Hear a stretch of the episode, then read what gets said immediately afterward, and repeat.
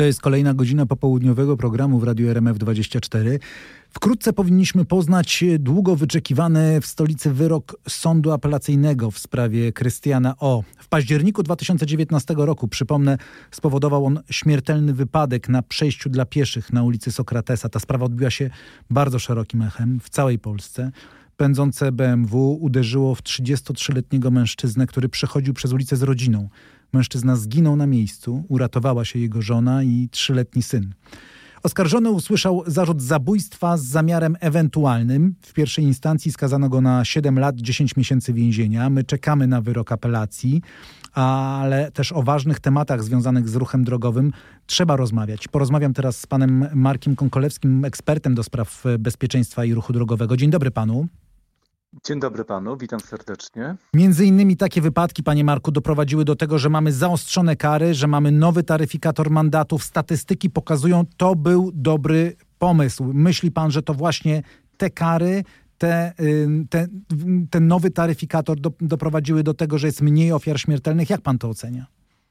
Wie pan co, między innymi tak, w 2022 roku na polskich drogach po raz pierwszy raz w historii zginęło 1883 osoby, a więc mniej niż 2000. Policja ujawniła tylko 28 976 wykroczeń polegających na przekroczeniu prędkości 50 plus w obszarze zabudowanym.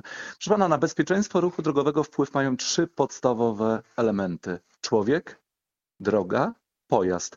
A więc e, coraz częściej mówi się o problematyce bezpieczeństwa ruchu drogowego. Ten towar jest bardzo atrakcyjnie opakowany i podany w mediach. Jesteśmy coraz bardziej grzeczni, kulturalni, wyrozumiali wobec siebie, stosujemy się do przepisów prawa, ale nie można zapomnieć także o drogach. No panie redaktorze, jeżeli ktoś narzeka, że nasze drogi są dziurawe, kręte, że nic się na tych drogach nie dzieje, no to chyba zatrzymał się w czasie, bo ja pamiętam, jak jeszcze 20-30 lat temu jeździłem ze Starogardu Gdańskiego do Szczecina, do Warszawy, jak wyglądały te drogi, a jak wygląda w tej chwili siódemka z Gdańska do, do Warszawy, więc mamy lepsze drogi, które wybaczają nasze błędy, a więc chwała e, drogowcom, inżynierom, państwu, samorządowcom za to, że inwestują w infrastrukturę drogową. Mamy lepsze samochody, a więc naszpikowane cudami techniki, lepszy system nadzoru i kontroli ruchu drogowego, sprawnie działającą policję, inspekcję, dobrze działające inne służby, które przyjeżdżają na miejsce wypadku, tak? a więc lekarze, e, dobrze wyposażone SORy, straż pożarna, dobre prawo. I tak można mówić, mówić, mówić. Nie można tutaj wyodrębnić tylko jeden taki podstawowy czynnik, który przyczynił się do poprawy bezpieczeństwa. Natomiast e, prawda jest taka, że zmiana w taryfikatorze mandatów karnych, a także w, w systemie punktów karnych także dołożyła swoją malutką cegiełkę. No właśnie, gdy mówimy o zaostrzeniu przepisów, często karniści, nie specjaliści od ruchu drogowego, ale karniści, prawnicy powtarzają, nie jest istotna surowa kara, ważna jest nieuchronność tej y, kary. Czy pan też tak do tego podchodzi, czy jednak tak. uważa pan, że te wysokie mandaty, że te no, drakońskie kary dla tych, którzy łamią przepisy, one powinny być utrzymane? E, proszę pana, no te mandaty są bardzo wysokie. One mnie, sam, one mnie też zaskoczyły. Natomiast e, no, wie pan, skoro już e, mamy nowy taryfikator mandatów karnych, no to trzeba się do tego stosować. Mnie na przykład bardzo podoba się to, że sądy powszechne mogą orzec maksymalną grzywnę nawet do 30 tysięcy złotych za wykroczenia drogowe, więc jest to naprawdę bardzo poważny oręż w rękach sędziów w walce z recydywistami, piratami drogowymi. Podoba mi się na przykład powiązanie e, punktów karnych z mandatem, a więc punkty obowiązują dwa lata w ewidencji kierowców, którzy naruszają przepisy ruchu drogowego, ale zostaną z ewidencji usunięte dopiero wtedy, gdy zapłacisz mandat karny. Jeżeli tego mandatu nie zapłacisz, to te punkty w dalszym ciągu w ewidencji będą występować. Natomiast jedna bardzo ważna rzecz, e, bo zauważyłem, że autorzy zmian w taryfikatorze mandatów karnych bardzo wzięli się za kierowców. A więc to ich zdaniem kierowcy stanowią największe zagrożenie na polskich drogach i bardzo mocno podwyższono mandaty karne w trzech obszarach. Prędkość, zachowanie kierowców wobec pieszych na przejściach dla pieszych, a także zachowanie zmotoryzowanych na przejazdach dla rowerów. I podam panu taki przykład.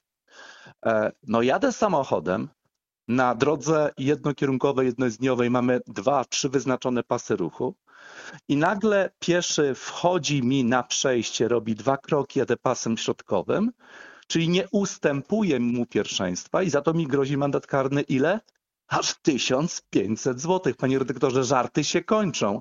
I druga strona medalu. No, pieszy, który wchodzi bezpośrednio przed jadący pojazd na wyznaczonym przejściu, naraża się na zapłacenie mandatu w wysokości tylko 150 zł. Czyli większe kary dla pieszych? Większe kary dla pieszych, Pana zdaniem? E, tak, moim zdaniem, moim zdaniem e, tutaj brakuje takiego parytetu, tak? No proszę zauważyć, że piesi to pełnoprawni uczestnicy ruchu drogowego i w dużej mierze także od ich zachowania zależy poprawa stanu bezpieczeństwa. Ja bym wziął pod lupę ten taryfikator mandatów karnych i troszeczkę podwyższył widełki pieszym, którzy łamią elementarne zasady bezpieczeństwa, tak? Bo piesi bardzo często nadinterpretują przepisy dotyczące pierwszeństwa na wyznaczonym przejściu podczas wchodzenia na własną korzyść. Kolejny przykład. Pan redaktor przejeżdża samochodem e, przez skrzyżowanie na czerwonym świetle i widzą to piesi, widzą to świadkowie, jest pan piratem drogowym, który dawno powinien stracić prawo jazdy, bo jak można przejechać samochodem na czerwonym świetle?